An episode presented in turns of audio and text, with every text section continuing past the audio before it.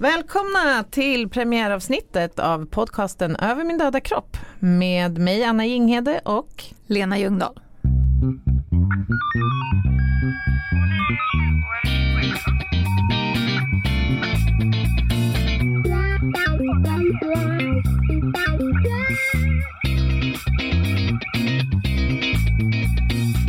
Men hjälp, du är så jävla busy. Kan du bara stänga av den? här? Du jinxar ju hela premiäravsnittet Ja, här. jag vet, men klockan tycker att jag har varit still för länge. N- nu, är, nu är jag med. Okej. Nu. Eh, ja, alltså jag är sjukt pepp för det här.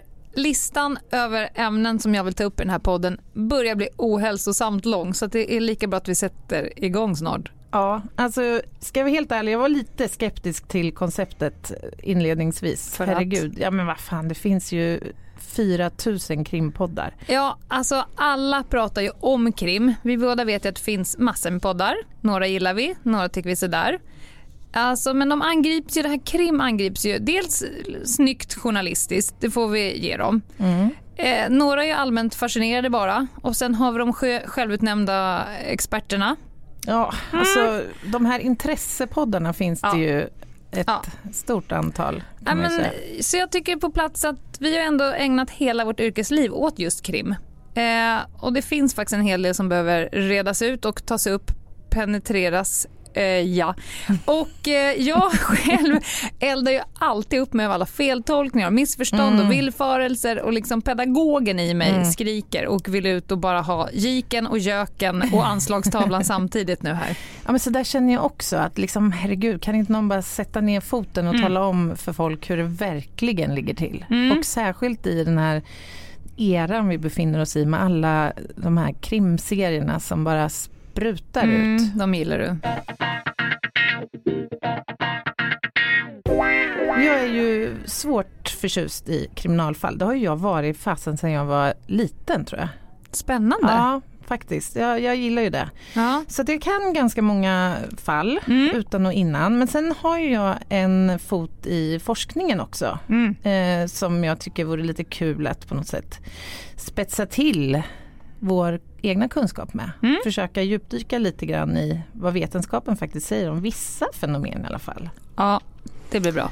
Så att, eh, ja, nej, men och sen finns ju den här aspekten att vi har ju faktiskt själva också arbetat med många spännande fall.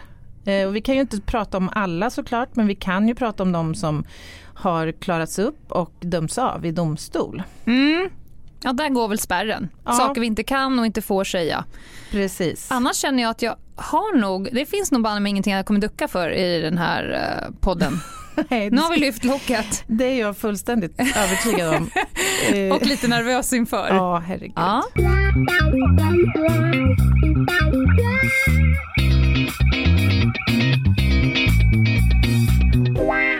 Ska vi kanske presentera oss lite grann för våra lyssnare i alla fall? ja. Vem är du? Vem, Vem är är jag? jag levande charader? Ja men eh, jag tänker så här, vi har inte känt varandra så länge. Jag har faktiskt räknat på det här. Har du det? 220 dagar. Ja, det är helt, fasen vilken intensiv och härlig tid ändå. Ja, å andra sidan är du den enda som jag har pratat med 220 dagar i sträck. Ah. Inte ens mina närmaste. Nej, det är helt otroligt. Nej. Det är samma här. Det, där har vi ju en likhet faktiskt. Vi Ja, gillar ja. ju inte att prata i telefon egentligen. Nej. Så jag tänker mig på att jag gör en, en presentation av dig nu. Är du beredd? Oj, Mm. vad läskigt. Ja, jag är beredd. Anna Jinghede är tandläkaren som blev polis, som blev kriminaltekniker, som blev rättstandläkare och våldsforskare. Anna arbetar idag vid Rättsmedicinalverket och ägnar sig huvudsakligen åt att arbeta med döda människor, vilket vi behöver komma in på sen. Eh, Anna forskar om våld mot kvinnor och barn. Ja. Hon jagar en evig deadline.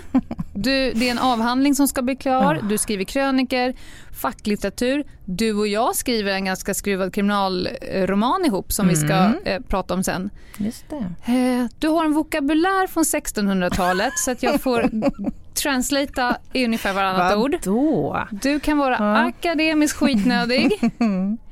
Du har en färgskala eh, på dina kläder som går från beige till tandköttsrosa. Du är samtidigt stabiliteten själv som att du är en sjukt ängslig och neurotisk person i den här duon. Eh, där har vi Anna. Mm. Har jag glömt något? Jag är imponerad Lena, Mhm. faktiskt. Det märks att du är bra på... Bullseye. Ja, Mm. bullseye. Ja, faktiskt. Du prickade in mycket i alla fall som stämde. Neurotisk vet jag inte. Jo, jag är Jo. lite ängslig. Det håller jag med om. Ska jag testa Mm. och presentera dig? Jag har också Kör. funderat lite. Det här Mm. kan ju bli pannkaka nu. Men eh, jag gör ett försök i Mm. alla fall. Lena. Lena är läraren som blev polis Mm. och som sen blev en sån där som började smyga på folk, blev spanare. Mm. Eh, och det är väl det du har ägnat dig åt tror jag, större delen av ditt yrkesverksamma liv. Lurkat omkring där med lösnäsa och såna där coola spionkameror. Och, Ja. och le, leker du på ditt, eller har du lekt mycket jobb? Ja. Ska du säga det? Mm. Ja. Det är ju lite så man betraktar spaningsverksamhet. Mm. Ja, äh, det där får du berätta mer om sen. Men i alla fall, nu vet jag att du jobbar som livvakt. Ja. Eh, inte som polis längre dock. Jag är lite osäker om du har spaningsuppdrag i din verksamhet just nu. Mm. Eh, men jag vet att du är säkerhetsrådgivare Mm. eh, och får träffa ganska mycket härliga och inflytelserika människor i din vardag. Mm. Du är bra på krishantering och eh, det föreläser du om och du föreläser även om knark, Yes. eh, pågående dödligt våld, hot och andra former av eh, Festliga saker. saker Ja. på temat ond bråd död. Ja. Det var ganska bra va? Ja. infångat. Sen vet jag när det gäller med dina privata intressen och så, så en sak som är helt sanslös tycker jag, det är det här ditt musikintresse. Mm. Det, den såg jag inte komma. Det var ju så att vi möttes här på stan för några dagar sedan och då slängde du på mig ett par feta lurar över öronen och i de lurarna så skrek det ut någon form av klassisk symfonimusik. Mhm. Mycket stråkar var det. Yes.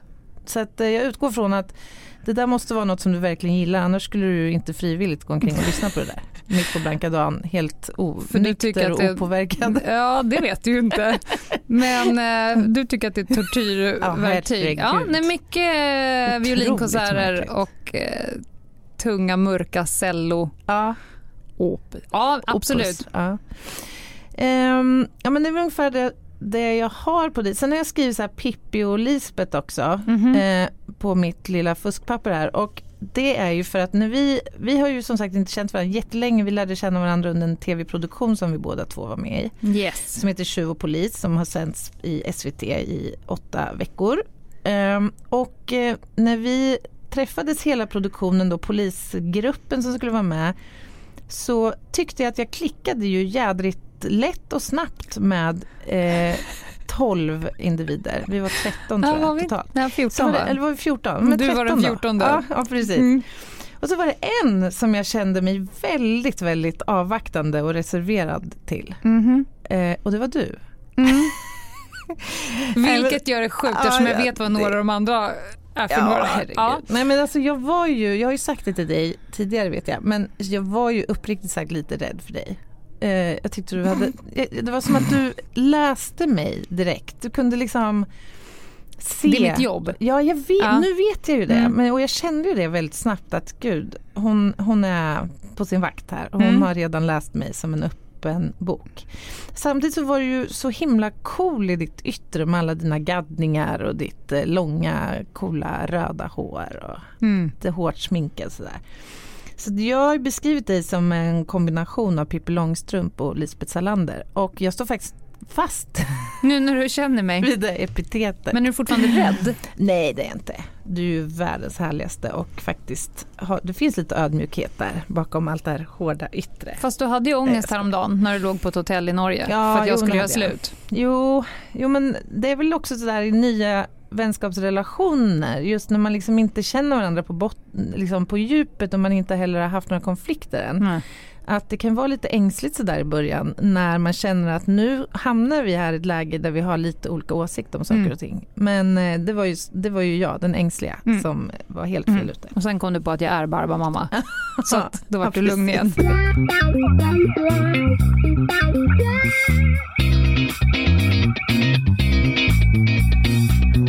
Jag tänker att vi drar tillbaka hela vägen till varför började du på Polishögskolan? Mm. Ja, för Polishögskolan är väl det som för, förenar oss så att säga. Det är ju mm. det som vi främst har gemensamt. Mm. Eh, ja, men vägen till Polishögskolan var ju sån att jag började jobba i rättsväsendet som, som tandläkare när jag hade utbildat mig till identifieringstandläkare. Då fick jag uppdrag av Svenska ID-kommissionen att jobba med katastrofer för att identifiera avlidna mm. människor.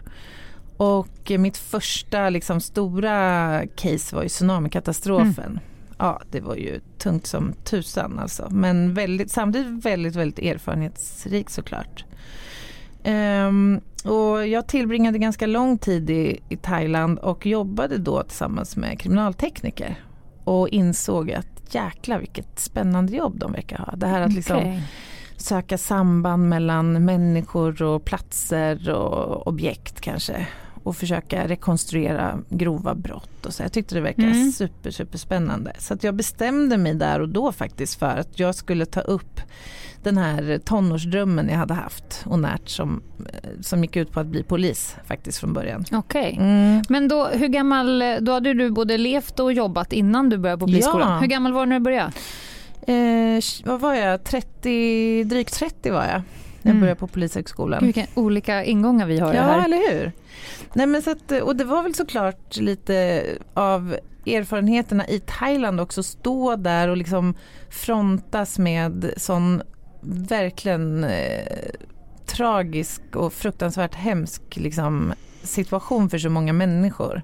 En kvarts miljon människor dog i den här fruktansvärda katastrofen. Så man, det, saker och ting ställdes för lite på sin spets. Där man började utvärdera sina val man hade gjort och, och i, i de processerna så ingick ju det här med yrkesval och så. Mm.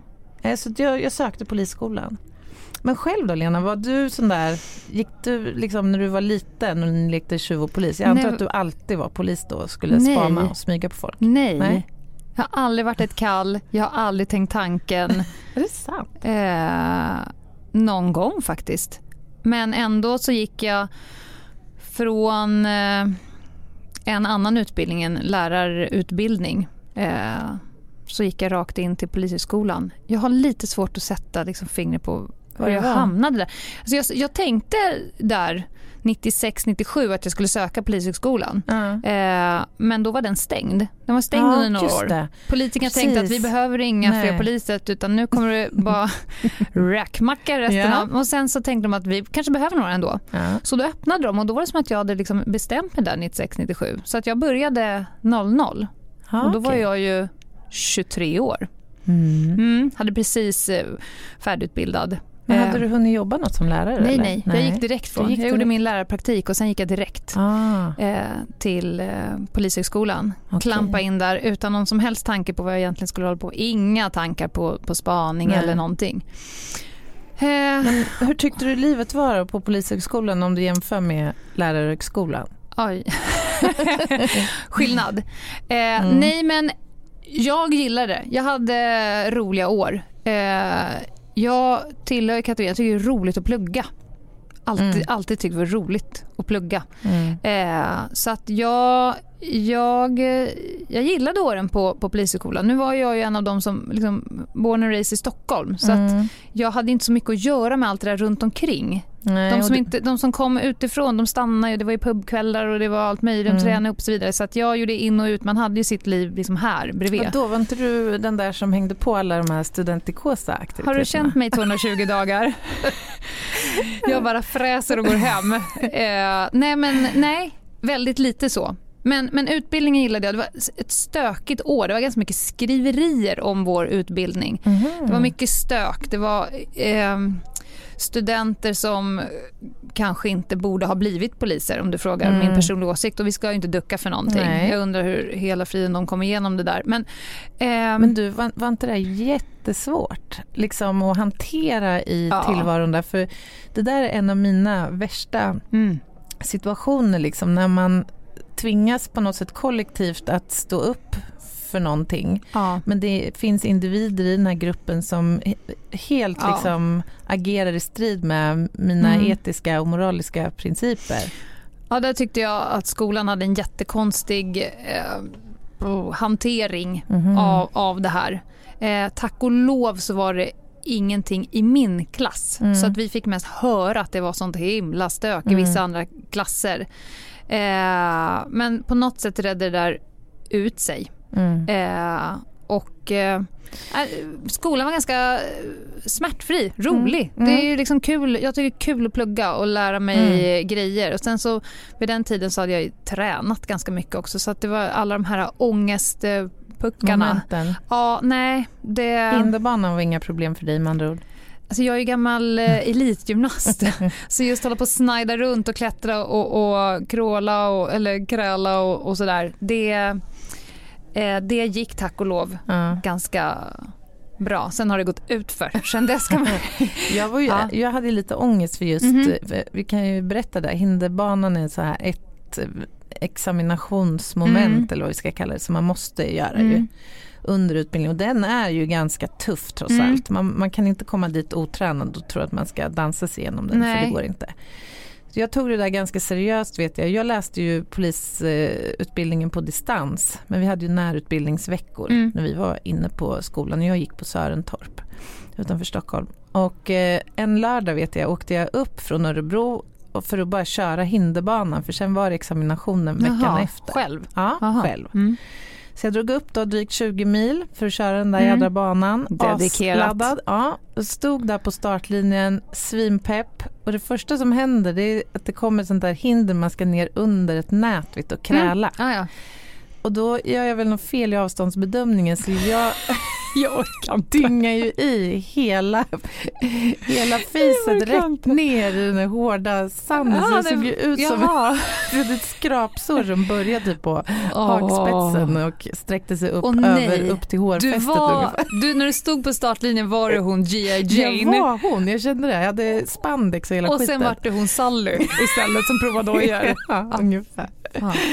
Ja. Klarade den på första? Ja, mm. det gjorde jag faktiskt. För visst gjorde man hinderbanan och sen så går man ut och ränner i skogen. Springer ja. liksom en kondislinga och sen ska du göra hinderbanan igen. Det är först tror jag terränglöpning va? Eller nej, det är nog som du säger. In i den där, gör ett varv och sen iväg, terränglöpa och sen in i banan mm. igen. Och köra. Tänk att den här var lika alla år. ja. när, gick du, när gick du i skolan? 07. Ja, det är sju år efter mm. jag gick där och det är mm. förmodligen exakt samma. Ja, det tror jag. Det är inte mycket som har hänt på, på så vis ju. Men du, ja. jag tänkte på det där du sa förut, bara för att knyta an till det här med de här rötäggen som fanns mm. på skolan när du gick där. Man får inte heller glömma bort att polisutbildningen är ju faktiskt som på det sättet vilken utbildning som helst. Mm. Jag menar, det, kom, det är förväntat att det är ett urval av, liksom, eller ett tvärsnitt av någon slags population mm. i en viss åldersgrupp som söker den liksom alla andra utbildningar. Ja. Så det är klart att en och annan slinker ju igenom ja. och det finns ju inga tester väl, tror du det, som kan liksom råda bot på det. Man kommer väl alltså, alltid tester finns tyvärr riskera ja, ja, så är det ju. Ja, det folk finns med ju avvikande tester. värderingar faktiskt kommer in på utbildningen. Tyvärr. De gör ju en sån här säkerhetskoll mm. och man sitter i intervju och gör psykologtest och så vidare. Mm. Men folks personliga innersta mm. liksom, människosyn och sådär. Mm. Det är ju svårt att, ja. att få det under, under lupp ordentligt. Mm. Eh, men nu har jag ju varit lärare på skolan. Jag var ju mm. där eh, under en lång period. Mm. Eh, eller lång, men alltså inte... För du, både du och jag föreläser fortfarande på polisutbildningen ibland. Ja, men, men, jag var på, liksom stationerad på skolan 2000 13 tror jag det var. Mm. Precis innan den eh, innan de la ner där på Sörentorp, grundutbildningen. Mm. Det har ju blivit ofantligt mycket bättre skulle jag säga. Ja. Men fortfarande en hel del skit. Det tänker jag att det kan vi eh, prata om i ett kommande avsnitt. För det var mm. några som gjorde en riktigt bra uppsats där om ah, självförtroende och självkänsla på eh, polisstudenter som var Nej, men där går det att hämta mycket ur. Ja, för det händer något. Ja. Man, alltså, man går igenom lite en resa ändå mm. under polisstudierna. Ja. Ja, men ja, du ska in i en roll. De ja. hänger på en, en, en, uniform. Liksom. Jag kände mig som Christer Lindarw. Ah, fan, jag kände... Tittade i spegeln och vissa bara gick, började ah. gå så annorlunda Exakt. och se lite svår ut facet. Jag kände, vad är det här? Liksom jag kände mig en... utklädd. Ja, jag med. En del fyllde liksom ut ja. uniformen och bar upp den med någon slags pondus. Som man typ haft den från början, från födsel. Och för egen del så var det lite som det du beskriver. Så här ena dagen stod jag och drog ut eh, risiga visdomständer på folk och den andra så gick jag omkring i, uniform. Ja, du jobbar samtidigt. Var, ja, jag gjorde mm. det och ja, men det blev så starka kontraster tyckte jag. Mm. Um, men samtidigt, jag tycker, jag tycker ju utbildningen var jätterolig. Mm. Verkligen kul. Jag har så många roliga minnen ja. med mig från polisutbildningen. Vilken utmaning på skolan eller vad ska jag säga, vilken upplevelse eller händelse på polisskolan tyckte du var, låt säga tuffast? Var det någon mm. sådär som du... Utbildningsmoment ja. menar du? Oj. Ja, alltså man har ju riktigt bra övningar i, i det finns ju lägenheter där. Mm. Hemmamiljöer där de tar in riktiga skådespelare som spelar upp mm. helt fruktansvärda scenarion. Ja. Kvinnofridskränkning, misshandel, vet, barnmisshandel och så vidare. Och sen så blir man ju bara inkastad, men lös det här. Mm. Och då var jag nog inte riktigt beredd på hur, alltså nu har jag lärt mig senare att hjärnan kan inte skilja på övning och verklighet, mm. vilket gör att det är väldigt fiffigt att, att träna. Mm. Eh, nej men där var det som att det kunde verkligen gå kalla kårar. Mm. Vad är det här? Och de spelar ju fullt ut och mm. de backar ju inte. Utan då fick man verkligen gå in och det är nog det som mm. liksom har, har gett mest när man sen har gått ut och mm. mött sådana där händelser. Att jag har varit här förut.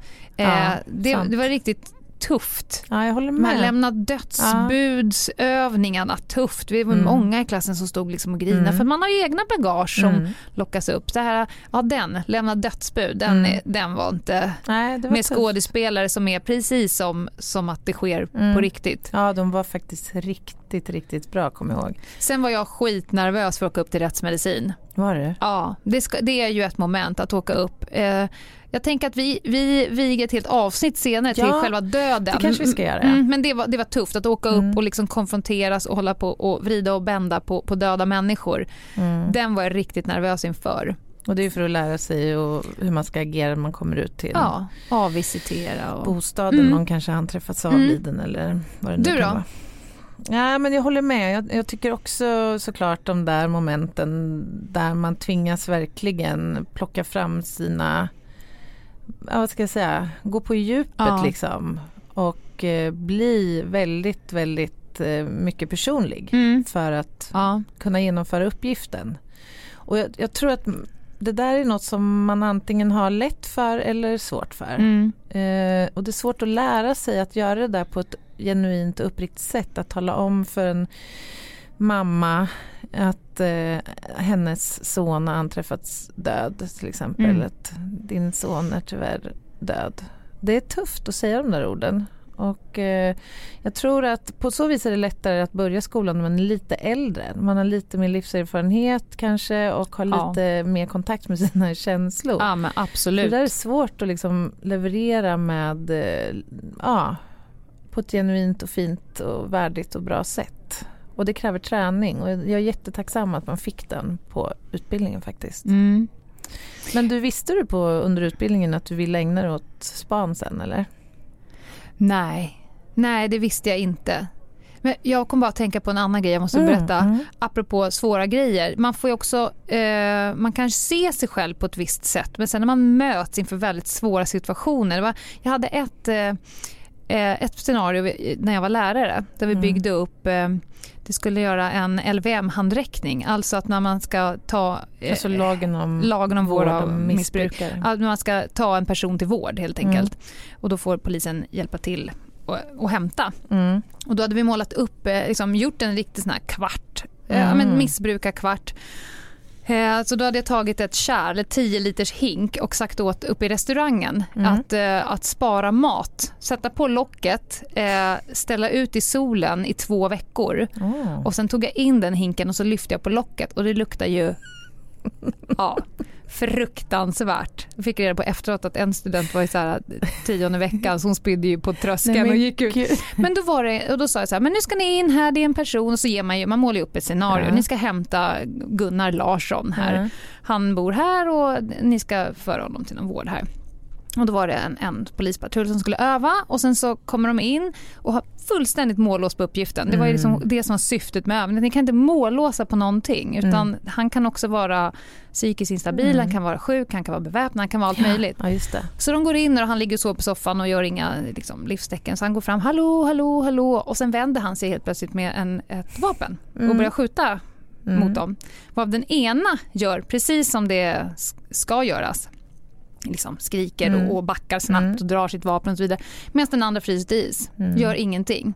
Så han blir skjuten liksom med fyra såna färgskott. Och han tog bara av sig uniformen. Så bara, nej men då vet jag hur jag funkar i såna här situationer så att då, han skulle sluta. Han slutade? Nej, nej, nej. Ja, så jag satte med honom och jag samtal efter samtal ah. och liksom beskrev hur hjärnan fungerar vid ah. akuta stresspåslag mm. och så vidare.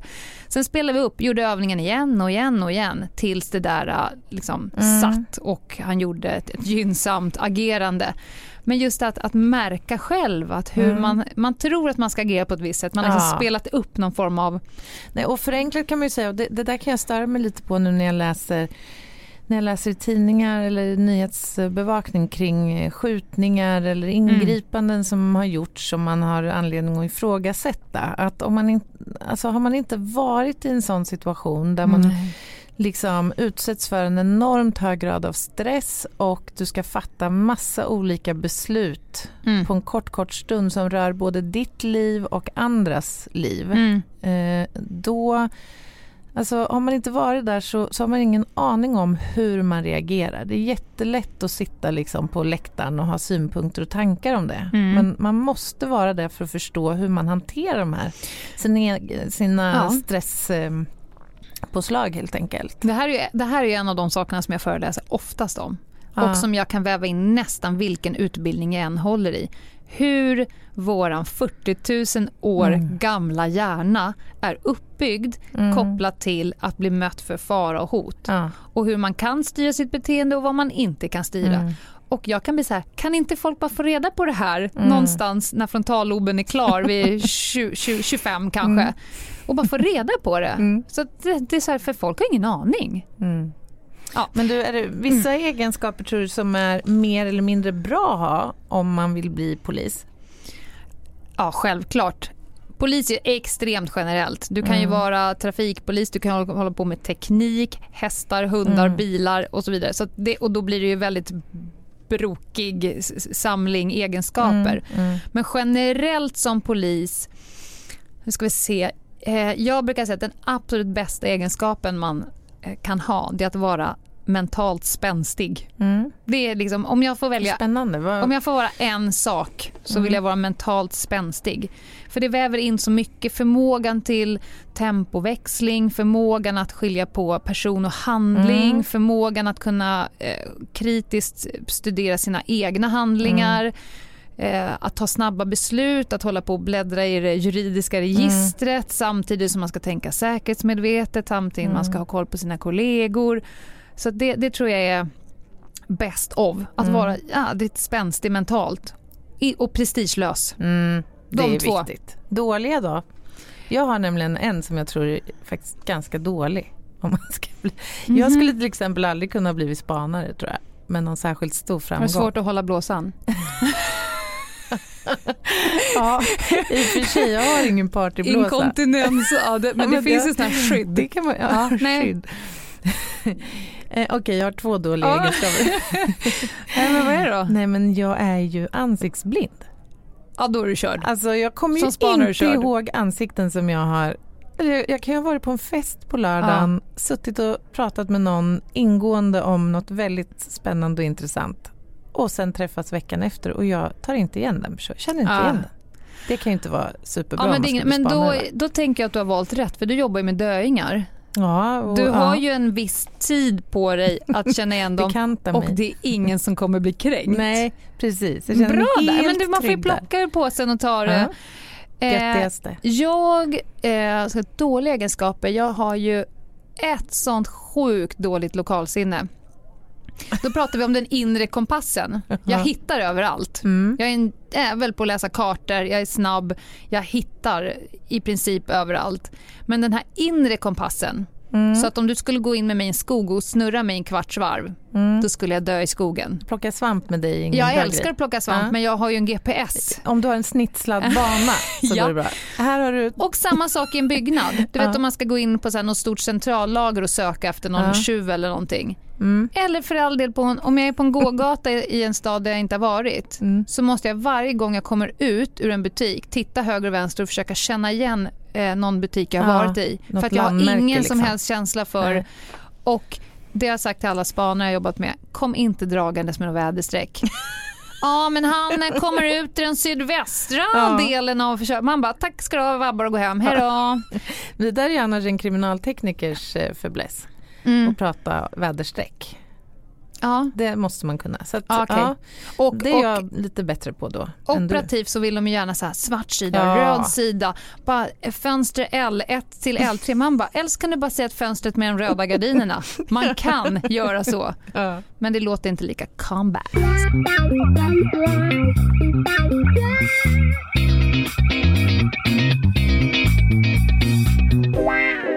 Vad säger du Lena, ska vi um, runda av det här första avsnittet? Nu har vi ju uh, gett våra lyssnare en liten inblick mm. i um, vilka vi är och livet på polisskolan. Det går ju bra att mejla oss också, ja. kanske vi ska nämna. Gärna frågor. Ja, frågor vill vi ha. Nej, mejladressen, sånt där kommer inte jag ihåg. Ja, vad har vi? Vi har Ljungdahl och Ginghede at gmail.com. Ljungdahl och Ginghede at gmail.com. Det går också att kontakta oss via vårt Instagramkonto som heter Ljungdahl och Ginghede. Det kommer också upp om du söker på Över min döda kropp. Yes, och nästa avsnitt då? Ja, eh, vad ska vi ta oss an? Alltså, vi har ju så mycket vi, har vi så mycket, vilja eh, prata om. Vad har du för favoritämnen? upcoming som vi kommer alltså, Jag gillar ju ämnen som berör kriminalteknik mm. och mord tycker jag är spännande. Mm. Eh, likmask yes. tycker jag är lite fascinerande. Ja. Eh, du, alltså. då vill jag bara säga, du tycker inte bara att det är fascinerande, du kan ju skiten också. Ja, det är skil- vi måste ändå mycket. skilja på saker som är fascinerande och att du jobbar med det. Ja. Eh, okay. Själv då? Ja, jag ser ju fram emot dina ämnen såklart. Eh, jag skulle verkligen vilja sätta tummen på, på spaning. Det är mm. inte som i Beck-filmerna. Trot eller ej. Det Nej, där skulle jag också riktigt. vilja veta mycket om. Till exempel en sak som jag funderar på, vad är det för skillnad på en privatspanare och en privatdetektiv och sånt där? och en vanlig spanare som jobbar polisiärt. Ja, det kommer vi till. Ja, Sen så eh, har jag ju en fäbless för knäppskallar, foliehattar, mm, eh, psykfall. psykfall, psykopater, rättshaverister. Mm. Eh, mörker. Ja. Eh, men också så fenomen, vet, jag står ju på, i filmer, bara, ah, men jag var anhåll, jag blev anhållen av polisen och jag var eh, ja. du vet, fel tider och fel timmar. Och... Det där tycker jag också vi ska ägna ett helt ja. avsnitt åt. Reda ut ja, de här felaktigheterna. Man måste, måste man ha ett papper när man ska göra en husrannsakan hemma hos någon? Och Får jag ringa ett samtal bara när jag kommer in? Eller får jag inte ringa något? Eller?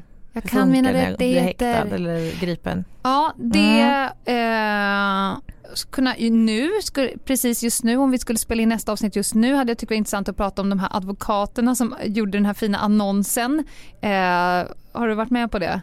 De som eh, annonserade, ja men det var ju verkligen, ja, de jagar ja, ja, mest ja, kriminella. Ja, herregud. Ja, ja, bu, busadvokater, mm. Mm. åklagare. Jag är ju för, alltså jag är lärare på juristlinjen och mm. jag har ju ett nöje att försöka lista ut vem som ska bli advokat och åklagare medan jag föreläser. Kan vi... ja, men jag tänker mm. så här, nästa avsnitt. Mitt tyngsta ämne är spaning, ditt tyngsta ämne är döden.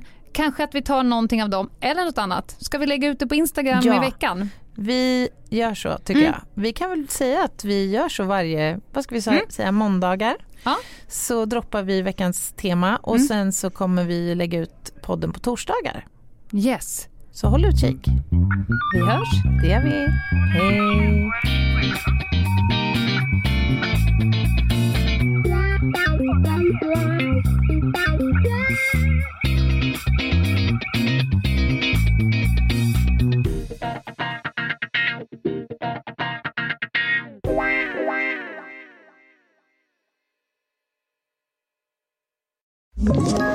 Ett poddtips från Podplay.